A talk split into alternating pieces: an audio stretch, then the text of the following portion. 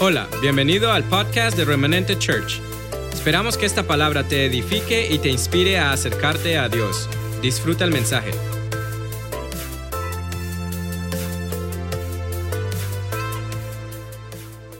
Repita conmigo, Dios me va a hablar. Dios me citó para hablarme. Los de la cámara me gustaría que me tuvieran cerca para los que están en casa nos sintiéramos cerquita y estemos hablando. Le he titulado esta enseñanza La valentía de cambiar. Le puse la valentía por sonar un poquito decente, por sonar para poderlo colocar en las redes sociales. Pero si usted y yo no estuviéramos tomando un café, esto se llamaría la berraquera de hacer el cambio. La berraquera de hacer el cambio. Hay que ponerle pasión. Cuando busqué el significado de valentía, encontré que significa valor, pasión, valentía, aliento, tenacidad y en algunos momentos coraje. Hay momentos que usted le tiene que poner coraje a la situación que está viviendo. Pero primero lo primero. Yo quiero que usted incline su rostro y repita conmigo esta oración, sobre todo los que están en casa y es primera vez o segunda vez que usted está conmigo y tal vez no ha hecho esta oración. Señor Jesús, yo te pido que perdones mis pecados. Yo te recibo en este día como mi Salvador. Y te pido que escribas mi nombre en el libro de la vida. Te pido que te entrones en mi corazón. Yo reconozco que moriste en la cruz por mis pecados.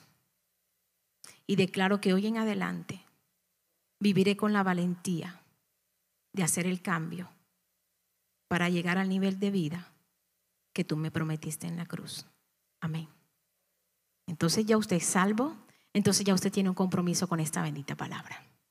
Si nos vamos a Génesis 21 del 4 a 14, no sé si lo vamos a colocar en la pantalla, yo lo leo para ustedes.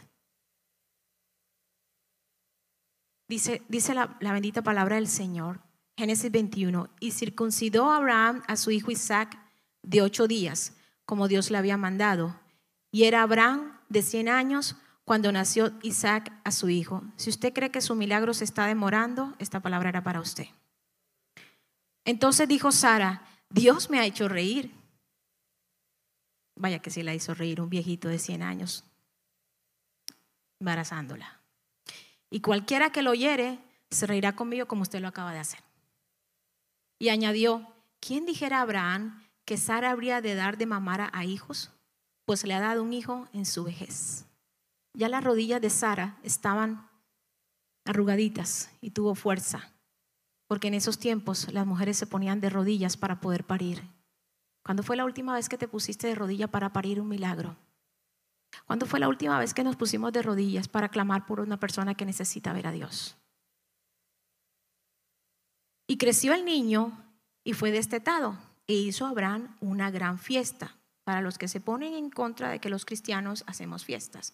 Abraham, el padre nuestro de todas las generaciones, tiró una tremenda fiesta el día que su hijo empezó a comer comida sólida. Y vio Sara que el hijo de Agar, la egipcia, el cual le había dado a luz a Abraham, se burlaba de su hijo Isaac. Por tanto dijo Abraham, echa a esta sierva y a su hijo, porque el hijo de esta sierva no ha de heredar con Isaac mi hijo. Este dicho le pareció grave en gran manera a Abraham a causa de su hijo. Entonces dijo Dios a Abraham, ¿no te parezca grave a causa del muchacho y de tu sierva? En todo lo que te dijere Sara, oye su voz, porque en Isaac te será llamada descendencia. Y también el hijo de la sierva, de él haré una nación. Y ahora, ¿cómo me salgo yo de aquí? Pregunto. El que conozcamos la verdad no nos garantiza que hagamos lo correcto. Abraham había escuchado de Dios. Sara había escuchado de Dios. Pero no hicieron lo correcto.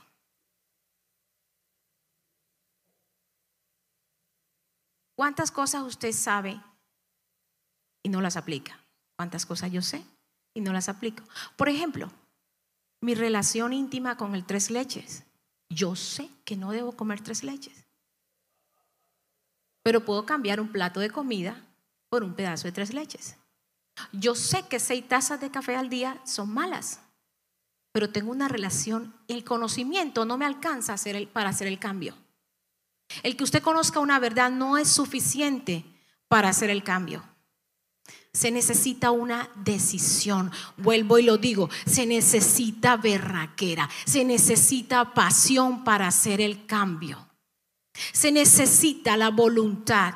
Se nos ha enseñado que el cerebro nos manda. Usted manda a su cerebro porque usted tiene una mente y usted tiene un conocimiento. Su cerebro no le puede decir no vaya a trabajar. Usted tiene conciencia y usted se levanta, va y trabaja porque llega el mortgage, el, el pago mensual y usted tiene que ir. Lo hacemos muchos cambios con cosas externas, pero se nos olvida hacer cambios con cosas internas. No hace frío para ir a las 5 de la mañana a trabajar, pero si usted tuviera que quedarse en casa y levantarse a las 5 de la mañana para ir al gimnasio, le aseguro que hace el doble de frío. Porque el conocimiento no nos garantiza que vamos a hacer el cambio. Es necesario ser valientes. Hacer las cosas bien no siempre es fácil. No, no lo es. Una de las razones que, más nos confronta para hacer los cambios en nuestra vida es el ego. Yo crecí en una iglesia completamente en contra de la mujer. Ahí nací, pero Dios me hizo libre ahí. Y el gran líder de la ciudad, él sabía y él entendía que la religión que había enseñado, que nos castraba al ser lindas como Dios nos creó, no escuché ni un solo amén. Mujeres, Dios nos hizo hermosas. Y caí en una iglesia donde ser fea era ser santo y era ser usado por Dios. Entonces yo nunca califiqué porque nunca me dejé de sentir hermosa. Siempre estuve sentada atrás y que no hable Eliana. El ego de haber enseñado muchas cosas no le permitió a él hacer el cambio. Y se murió sin hacer el cambio. Pero sus hijos y sus nietos no caminan en la religión porque Dios es un Dios de pacto de generación en generaciones. Son una de las iglesias más grandes de la ciudad donde vengo. Tienen la escuela cristiana con mayores niños graduados con honores que se vienen becados a Estados Unidos y son libres de la religión. Pero el ego muchas veces no nos deja reconocer que hay que cambiar cosas.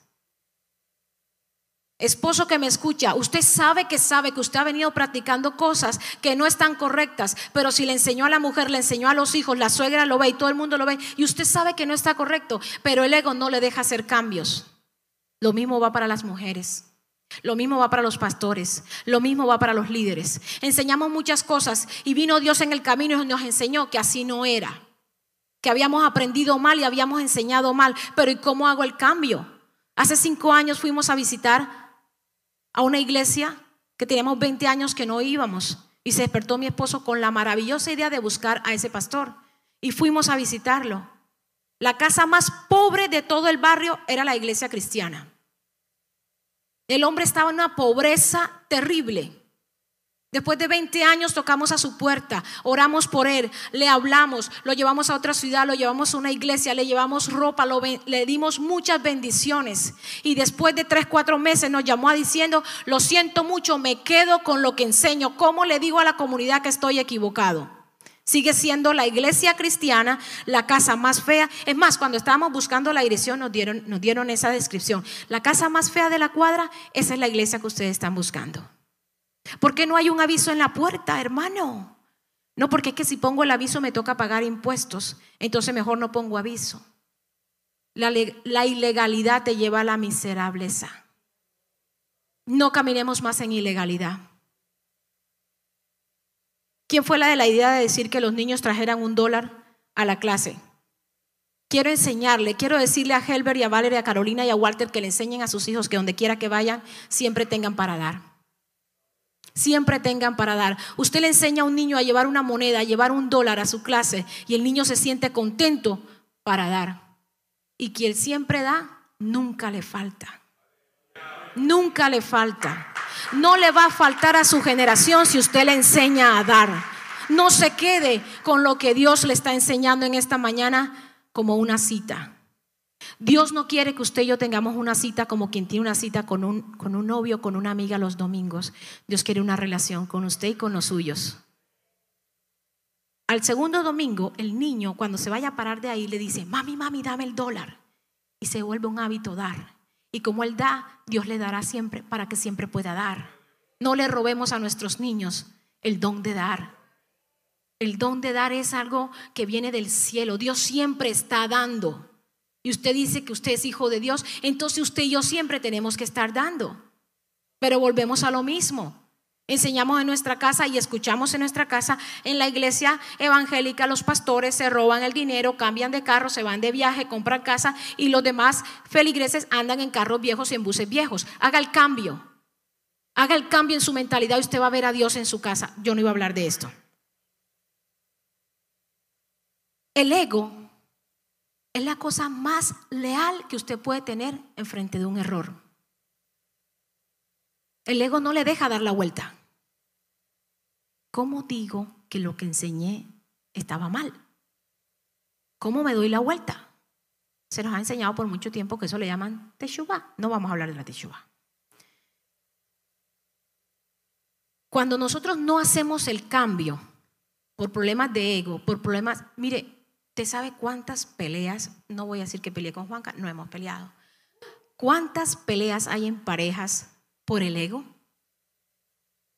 Usted mujer sabe que usted habló demasiado, dijo demasiado, pero usted le da vergüenza con usted misma decir, perdóname, perdóname.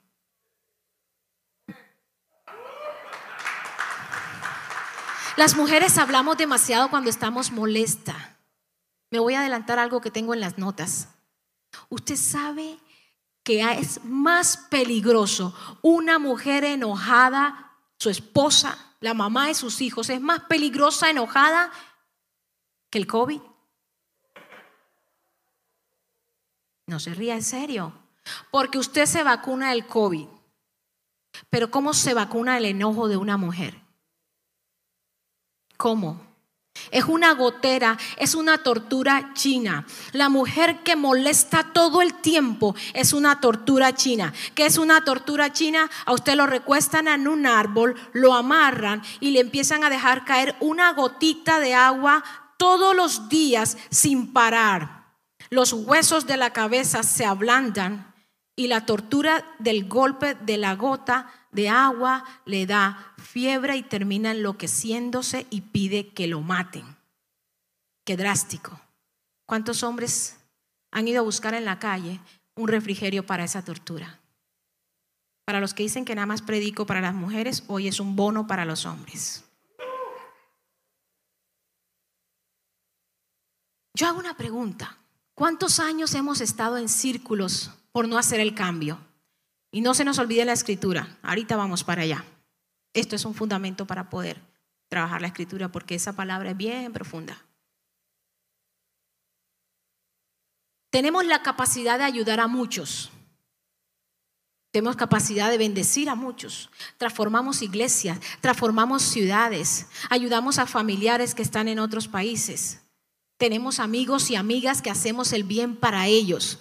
Pero a razón de nuestra de, de faltar de confrontarnos a nosotros mismos, de no tener la valentía de hacer el cambio, no pedimos ayuda. Esto va mucho para los líderes, los maestros y las personas que han conocido mucho. Se nos ve muy bien muchas veces, pero por no defraudarlos a ustedes no tenemos la valentía de decir, me resbalé, estoy en el piso, necesito que me dé la mano a levantarme. ¿Cómo así si tiene tanto conocimiento cometió ese error? Pues sí, soy humano y hay áreas de mi vida que no he circuncidado. Ahorita vamos para allá. Pide ayuda. Las terapias no van a servir si usted no confronta la necesidad de hacer el cambio. La medicina para el sistema nervioso, para la depresión y para la ansiedad no le van a servir si usted no confronta la necesidad de hacer el cambio. Ponga las medicinas en una mesa, mírelas y háblele al Señor. Yo voy a tomarme la medicina, pero yo voy a llenarme de berraquera y yo voy a hacer el cambio. El pasado no lo voy a poder mejorar. El presente a causa del COVID, solo Dios sabe si voy, en el futuro solamente Dios sabe a causa del COVID o de tu plan, Señor, si voy a estar en el futuro. Este presente me lo voy a gozar. Y tómese la pastilla. Pero siga cada mañana con esa actitud. Y usted se va a dar cuenta que en algún momento usted se le olvidó que usted necesita la pastilla. ¿Cuál es la ansiedad por el futuro si le pertenece a Dios?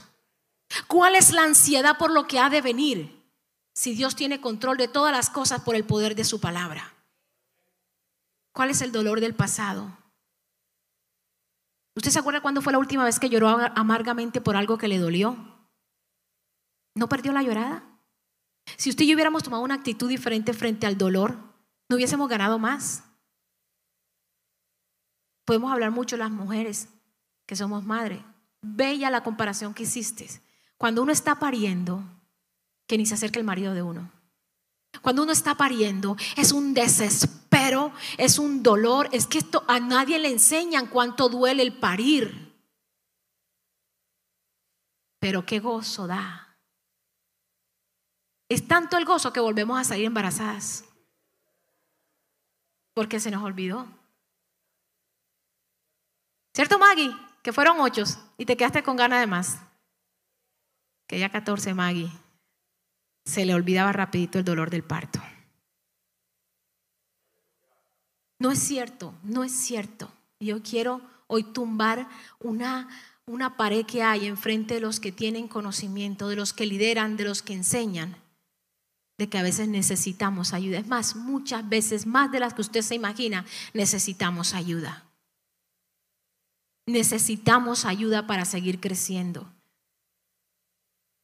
Entonces, como no hablamos, porque no está bien que el líder, que el papá de la casa, que el jefe esté equivocado, entramos en una jaula de lo normal.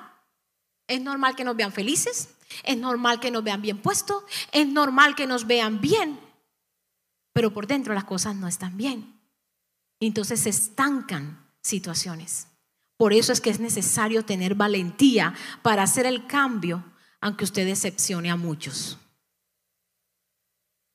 Usted necesita hacer el cambio, yo necesito hacer cambios en mi vida, aunque vaya a decepcionar a más de uno.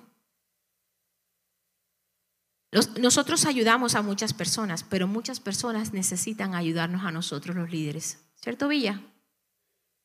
Porque a veces la carga es fuerte. ¿Cierto, Juan Carlos? La carga es muy fuerte. Y no nos estamos quejando. Berraquitos somos. Y nos falta más. Pero necesitamos que usted esté consciente de que nosotros también hay momentos en nuestra vida que necesitamos de usted. De usted que me escucha en la televisión, en la radio, donde quiera que esté, en el teléfono. Génesis, vamos otra vez a Génesis la escritura. Génesis 4. Y circuncidó a Abraham a su hijo Isaac de ocho días como Dios le había mandado. Y era Abraham de cien años cuando nació Isaac, su hijo. Dios quiere bendecirte. Amén. Yo, yo creo que están demasiado callados para lo que está pasando aquí. Yo quiero que usted se ponga de pie y se vuelva a sentar. Por favor, póngase de pie. Sacúdase un poquito y vuelve y siéntese. Porque a usted le conviene escuchar esto despierto. Despierto. Cuando usted esté hablando a su hijo adolescente y su hijo, porque ponen una cara adormecido, dígale, despiértese, siéntese, párese y siéntese y me escucha. Porque el cerebro cuando usted se levanta recibe un booster de sangre y usted se pone de alerta. Dios quiere bendecirte de la manera que Él dijo que te iba a bendecir, no de la manera como usted sueña, como usted planea. El problemita que vimos ahorita aquí de, Agar y del niño que le nació fue un problemita creado porque, oh, nosotras las mujeres se nos ocurren unas ideas.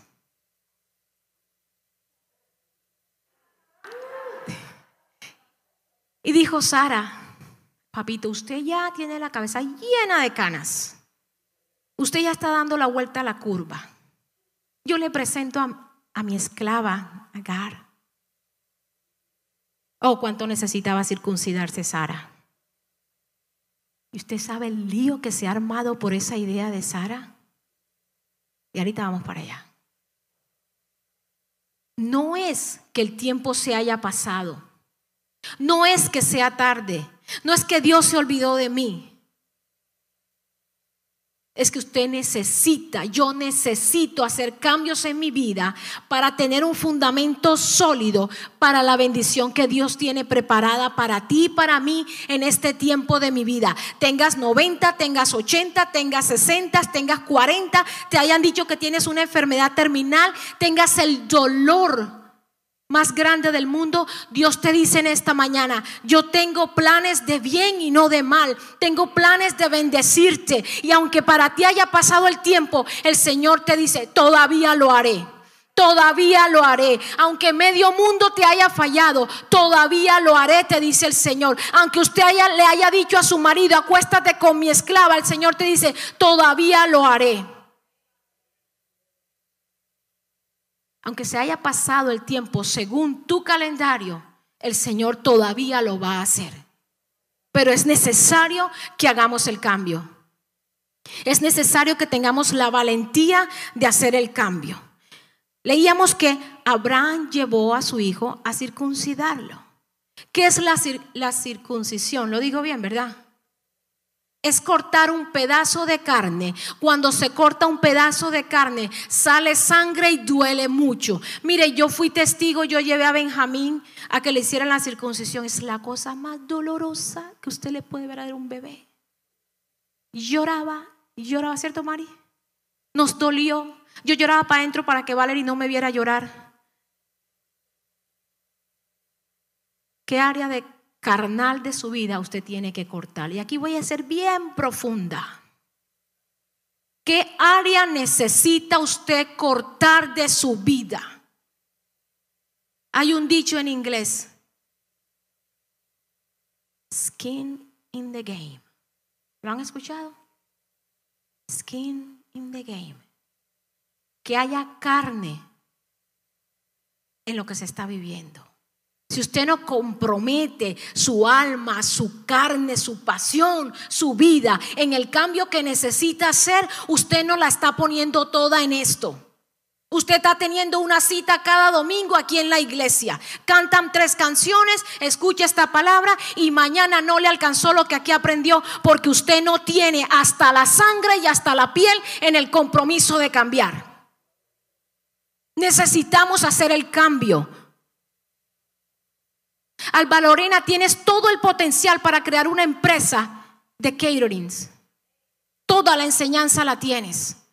Necesitas hacer cambios. Porque Dios te llamó a hacer grandes cosas. La pasión con que sirves es suficiente para que entiendas que fue Dios quien te escogió, no las circunstancias que has vivido. Tienes un marido capaz y tienes un hijo que está creciendo. Tienes todas las herramientas para emprender. ¿Cuánto le da un aplauso al Señor?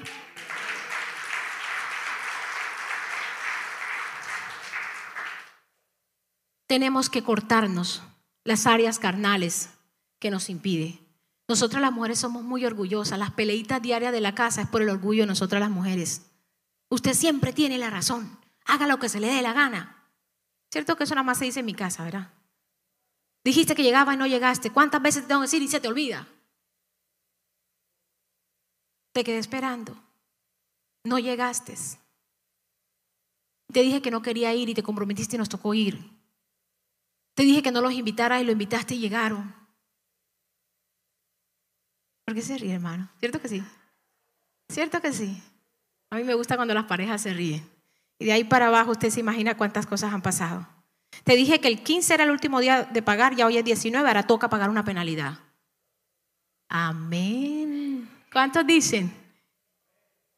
Lo pegué en la nevera, te puse el recibo en el carro, te llamé, te mandé el mensaje, no pagaste y ahora toca pagar fees. Eh, ¿Cómo se dice? Penalidad. Tenemos que hacer cambios, no podemos quedar, no podemos atrasar, no tenemos que unir fuerzas para crecer. No nos dejemos sabotear la vida por el enemigo, por pequeñas zorras que nos dañan lo que Dios. Mire, cuando ya usted no quiere ver más a su marido, haga una terapia que yo hago. Cuando ya usted diga, ¿dónde estará la mamá para devolvérselo? Coja una foto del día de su boda. Coja la foto.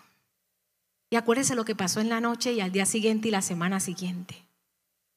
Había fuego en el altar. Y estaba guapo. Y estaba lleno de sueños. Se montó en mi moto y nunca más se quiso bajar. Y entonces entendemos que pusimos la carne. Yo tengo mi carne comprometida con Él y Él tiene su carne comprometida y todo lo que tiene en los bolsillos. Amén.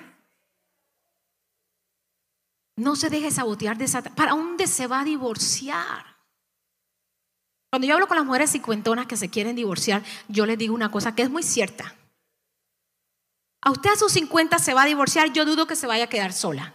Entonces va usted a encontrar otro cincuentón. Porque uno de 20, no. Ese cincuentón lo más probable es que ya tenga nietos. Entonces le dice a usted, mamita, espéreme que yo tengo que ir a pasar el fin de semana con los nietos. Espéreme que hoy cumple mi hijo. Espere que mañana cumple mi hija. Y usted se vuelve la que espera cuando era la dueña. Es más fácil lidiar con los dolores de la rodilla del joven que yo me gasté que lidiar el dolor de la rodilla de un joven que otra se gastó y ahora me toca a mí. Quiera su costilla, ámele, pero empújele a que haga el cambio. Yo no sé por qué dije eso. La circuncisión duele y hay que, hay que hacer cortes de relaciones. Usted tiene que cortar con relaciones, aún de familia. Ay, hermana Eliana, sí. Si usted tiene una prima que todo el tiempo le está hablando mal de su marido, usted no duerme con la prima, usted duerme con su marido.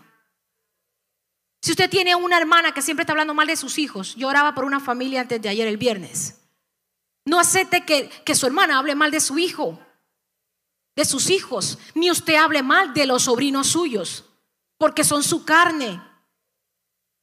Usted sabe que cuando usted y yo nos reunimos a hablar mal de alguien, hay pájaros en las paredes que escuchan lo que usted y yo estamos diciendo y van donde el rey y le dicen lo que usted y yo dijimos. Lo dice la escritura. Cuando usted habla mal de los pastores, el Espíritu Santo está allí.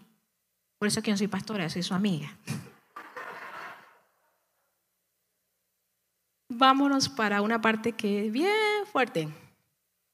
Creció el niño, fue destetado y Abraham tiró un party, tiró una fiesta. Y comieron, y bailaron, y mataron animales, y le pasaron rico. Y vio Sara que el hijo de Agar la egipcia, el cual esta le había dado a luz, esa era una pelea viejita que tenían ahí pendiente ellas dos. Se estaba riendo de Isaac. Mire, nosotros nos podemos poner las uñas acrílicas, nos hacemos el pelo, nos ponemos pestañas postizas, nos montamos en 8 centímetros de tacón, lindas. Y nos vamos a portar muy lindas. Pero que nadie se meta con un hijo mío. Que nadie se meta con un hijo suyo. Y los que están mirando, me escríbame un amén en el chat. Que porque no queda uña bien puesta. La vieja Sara pare un peladito cuando ya ya no podía parir. El niño lindo, la fiesta bella. ¿Cuántos hemos hecho una fiesta cuando andábamos sin Cristo y terminó la fiesta en una pelea? Bueno, aquí pasó. ¿Todavía pasa? Ok. Aquí nada diferente a eso pasó. Venga, papito, venga acá. Con la esclava que usted se acostó tuvo un peladito, ¿verdad? Y ese peladito me le está saboteando la, fiesta a mi niño. Hágame el favor, recoja a su niño y la vieja y se van de mi casa ya. Fue tanta la violencia doméstica en esa cita bíblica que yo creo, si yo lo hubiese escrito, yo lo hubiera dicho. Y Abraham dijo, espérese, mijita, que ese niño también es hijo mío. Yo soy el que mantengo la casa, yo soy quien tire la fiesta. Y a la final, la, la idea fue usted. Pero no lo escribieron ahí para que se viera decente. Así como yo no puse en el título la berraquera de hacer el cambio. hay momentos. Fue tan violenta la situación que no alcanzaron a llamar al pastor Villa. Le tocó al Señor, le tocó a Dios intervenir en esa pelea de, mujer, de marido y mujer. O sea que no se agobie. Si usted ha tenido peleitas con su pareja, Abraham y Sara ahí mismito lo escribieron, tuvieron un problemón que le tocó a Dios intervenir. Hablando de circuncisión, hablando de relaciones, el Señor le dice a Isaac, a Abraham, todo lo que te diga Sara, hazlo. No le, conviene. ¿Sabe por qué? Porque Sara ya reconoció que ella metió la carne equivocadamente en el plan mío. Y es necesario organizar la casa. No pueden haber dos mujeres en una, dos gallinas y un gallo. No puede haberlo. Sara estaba trayendo orden a la casa. ¿Cuántos años vivió Sara con esa, con, con esa burla? Y que peor que peor fue su idea. Pero en ese momento ella dice, yo voy a poner mi casa en orden. Usted me saca a esa señora y a ese niño. Pero Abraham tenía comprometida la vida porque ese niño también era de él. Yo no sé en que usted tenga comprometida su vida, en decisiones que usted o que yo hemos tomado, que hasta el día de hoy, que han pasado muchos años, todavía nos jalan la camisa. Pero el Señor te dice, yo me encargo de eso. Usted ponga el orden en su casa, usted atrévase a hacer el cambio, porque yo Abraham lo llamé para que usted fuera padre de naciones. Usted fuera conocido con un hombre de fe. Y esta decisión que usted hizo en la carne le está costando mucho y necesitamos arreglar esto. ¿Cuántos años tendrían? Si alguien me recuerda, creo que el niño ya era adolescente cuando lo sacaron de la casa. Ismael. Trece añitos tenía. ¿Usted sabe lo que costaba haber sacado a ese niño del lado de su papá? Yo no sé cuánto le va a costar a usted sacar situaciones de su vida. Relaciones con él es escondida cuando ya usted tiene una nueva pareja. Ahí. Yo no sé cuánto le puede doler a usted cortar con amistades que le despiertan placeres que tenía en el mundo. Porque vaya que hay placeres en el mundo. Y no pensemos solamente en los placeres sexuales. Pensemos en ir en medio de, una crisis, de una rabia con el marido y al mall con la tarjeta. No, ninguna dijo amén. Y me voy a comprar los muebles. Los muebles que tanto quiero. ¿Quién se la manda? Está todo grosero, bueno, que pague. Y el bolso que quiero. Y muchas cosas más por represalia con nuestro marido. Pero no funciona. Al rato usted ve los muebles en la casa o ve el bolso y te sigue con el problema con el marido. Hagamos el cambio, mujeres. Hombres, hagan el cambio. ¿Para qué, se ¿Para se torna todo rudo? Mire, esos hombres que ustedes todo el tiempo los ve así, rudos. Hermano, ¿cómo está? Bien, hermana, ¿cómo está? Y no se mueven así. Está más falta de cariño y de apretones como usted no tiene idea. Está falta de despeínese. Ya ponerse vaselina en la cabeza no se usa. Cámbiese ese corte, cambie esas camisas de, de Walmart. Banana pone al 40% los miércoles y le sale lo mismo que vale en Walmart. Cambie esos pantaloncillos viejos, enderezca el caminado, enamore a su pareja, tenga la valentía de hacer el cambio. Mujer, ay, no, es que esto lo están transmitiendo. Bote esos brasieres viejos, a los hombres no les gustan los brasieres viejos. Pero fingimos afuera que todo está bien. Nuestros hijos nos ven bien, pero en el cuarto no nos podemos ni ver. Leí en un libro que tengamos cuidado empezar a hacer los ruidos de la gente vieja. Ay. Ay. Mira, a nosotros las mujeres no nos gusta eso. Empiezan a erutar por toda la casa. Empiezan a tener problemas antes de tiempo. Que lo peor es que es antes de tiempo. Y las mujeres también, hasta la voz nos cambia, se nos pone voz de viejita. ¿Yo que sí? Me duele aquí, me duele aquí, me duele aquí. Papi, ayúdame a no quejarme, ¿oíste? Y nos duele todo. Y en cúrcuma dicen aquí. Y estamos en nuestros 50. Yo, yo tengo esta conversación muy seguida con Juan Carlos. Uy, ¿y cómo será dentro de 20 años más? Si usted a los 50 se empieza a sentir viejo, mi, mi abuela decía, Viva lo más largo joven que pueda porque la vejez es muy larga y duele mucho. Entonces no se sienta viejo aún siendo joven. Sara parió siendo vieja y peleó su derecho de su casa. Y la señora, si él tenía 100, ella podía tener 90. Porque yo creo que todavía no se usaba que las mujeres fuéramos mayores que los maridos. Y a sus 90 años reconoció su error. Yo le metí a la vieja en la cama, usted la embarazó, yo me equivoqué, pero me saca ese desorden de mi casa. Yo voy a comprometerme hasta la carne que lo que Dios le dijo a usted se cumpla. Te pregunto, ¿estás comprometido hasta la carne para lo que Dios dijo se cumpla en tu vida? ¿Estamos comprometidos? Estamos comprometidos al viernes a venir el 28 a las 7 y media para entender que nada más una sola boca y dos oídos, pero hablamos más como si tuviésemos dos bocas y no escuchamos nada, como si nada más tuviésemos un solo oído. Venga que le conviene y no es para eso.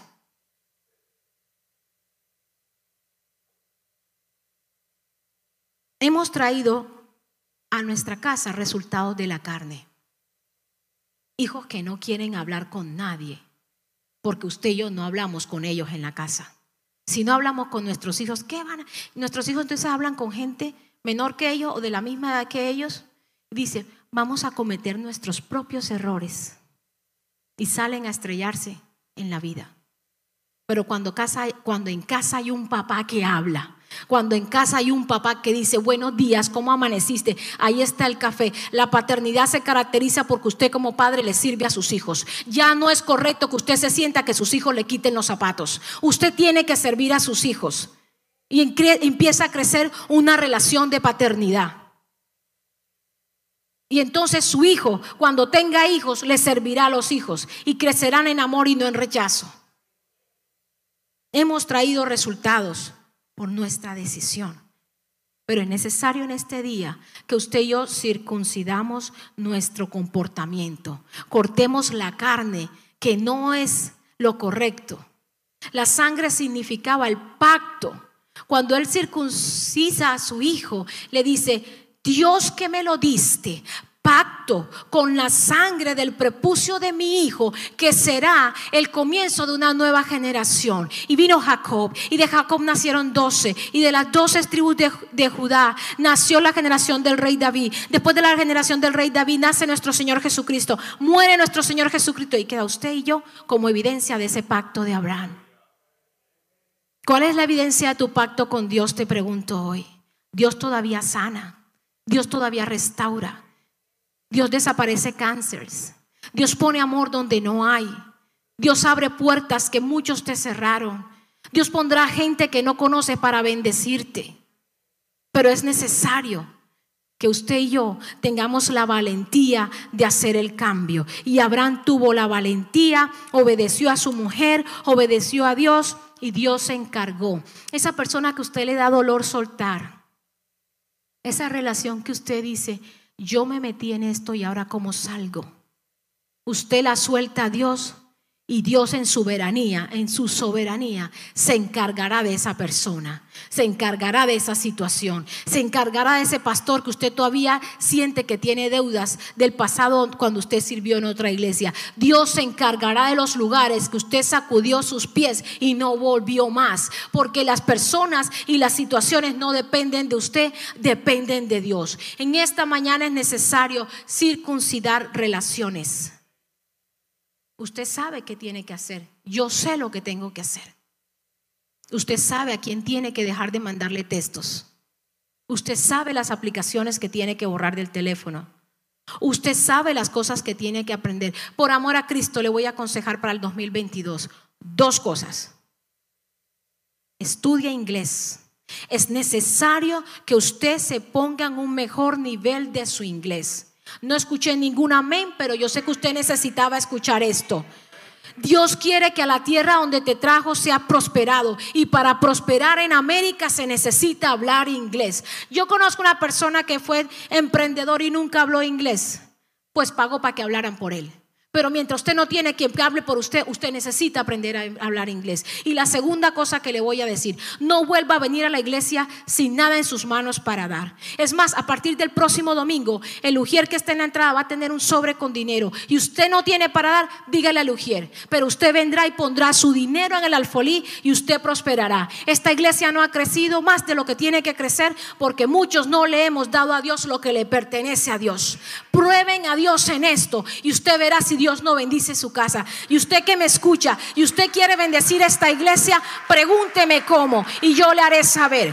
No vuelve usted a quedarse en esa silla con la mano vacía cuando digamos que hay que traer los diezmos y las ofrendas. ¿Por qué no se ha aparecido por esa puerta un gran empresario para decir, compro el edificio y múdense? ¿Sabe por qué? Porque muchos de los que estamos aquí no le hemos dado a Dios lo que es de Dios. Cuando empieza a fluir la fidelidad en las finanzas, ángeles se aparecen y el gobierno te manda cheques. Y gente que usted no sabía le dejó una herencia. Yo necesito escuchar más amén de esto.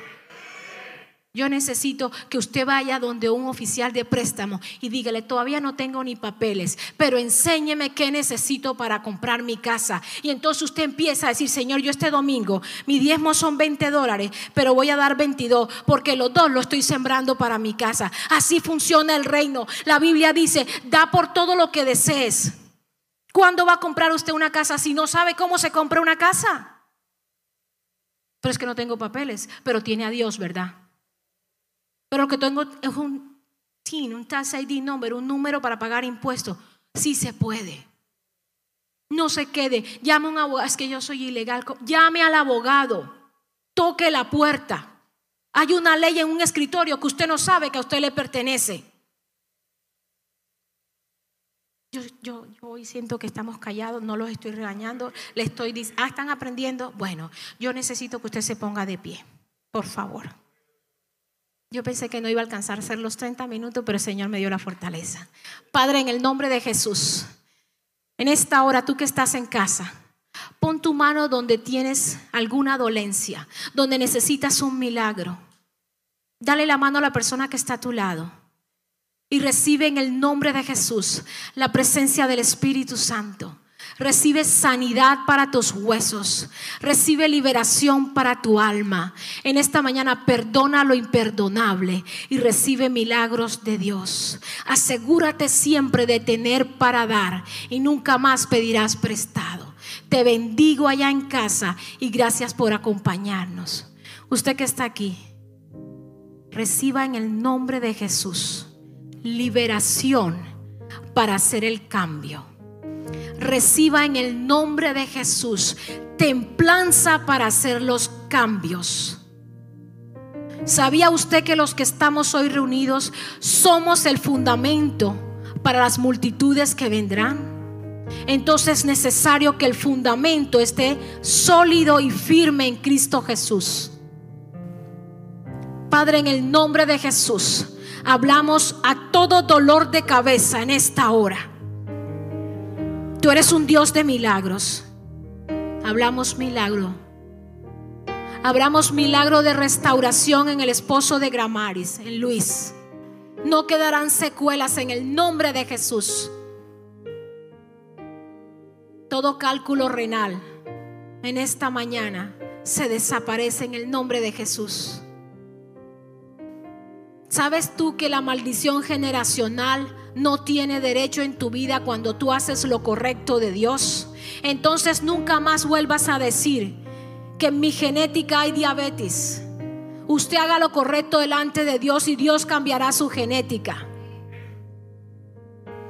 Padre, en el nombre de Jesús, yo hablo a los empresarios de la casa que sean dadores en abundancia porque la promesa de bendecirte es abundantemente. Y quien es fiel en lo poco, en lo mucho será puesto. Y será conocido tu nombre como los grandes nombres de la tierra. Solo si te atreves a creer que estás dando al que todo lo puede, al que todo lo sostiene, al que crea la necesidad del producto que tú tienes. Padre, oramos por toda persona que tiene COVID en este momento Hablamos a sus pulmones, a su sistema inmunológico, que se ha restaurado en el nombre de Jesús.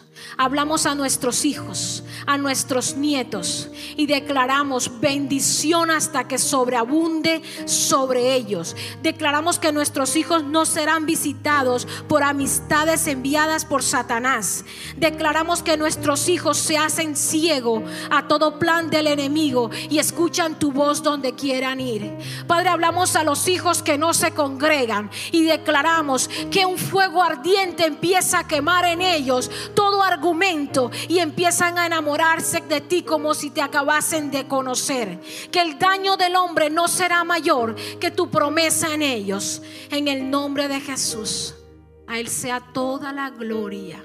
Amén y amén. Te bendigo, ten una semana hermosa, ten una semana productiva y con pasión. Amén. Esperamos que este mensaje haya sido de bendición.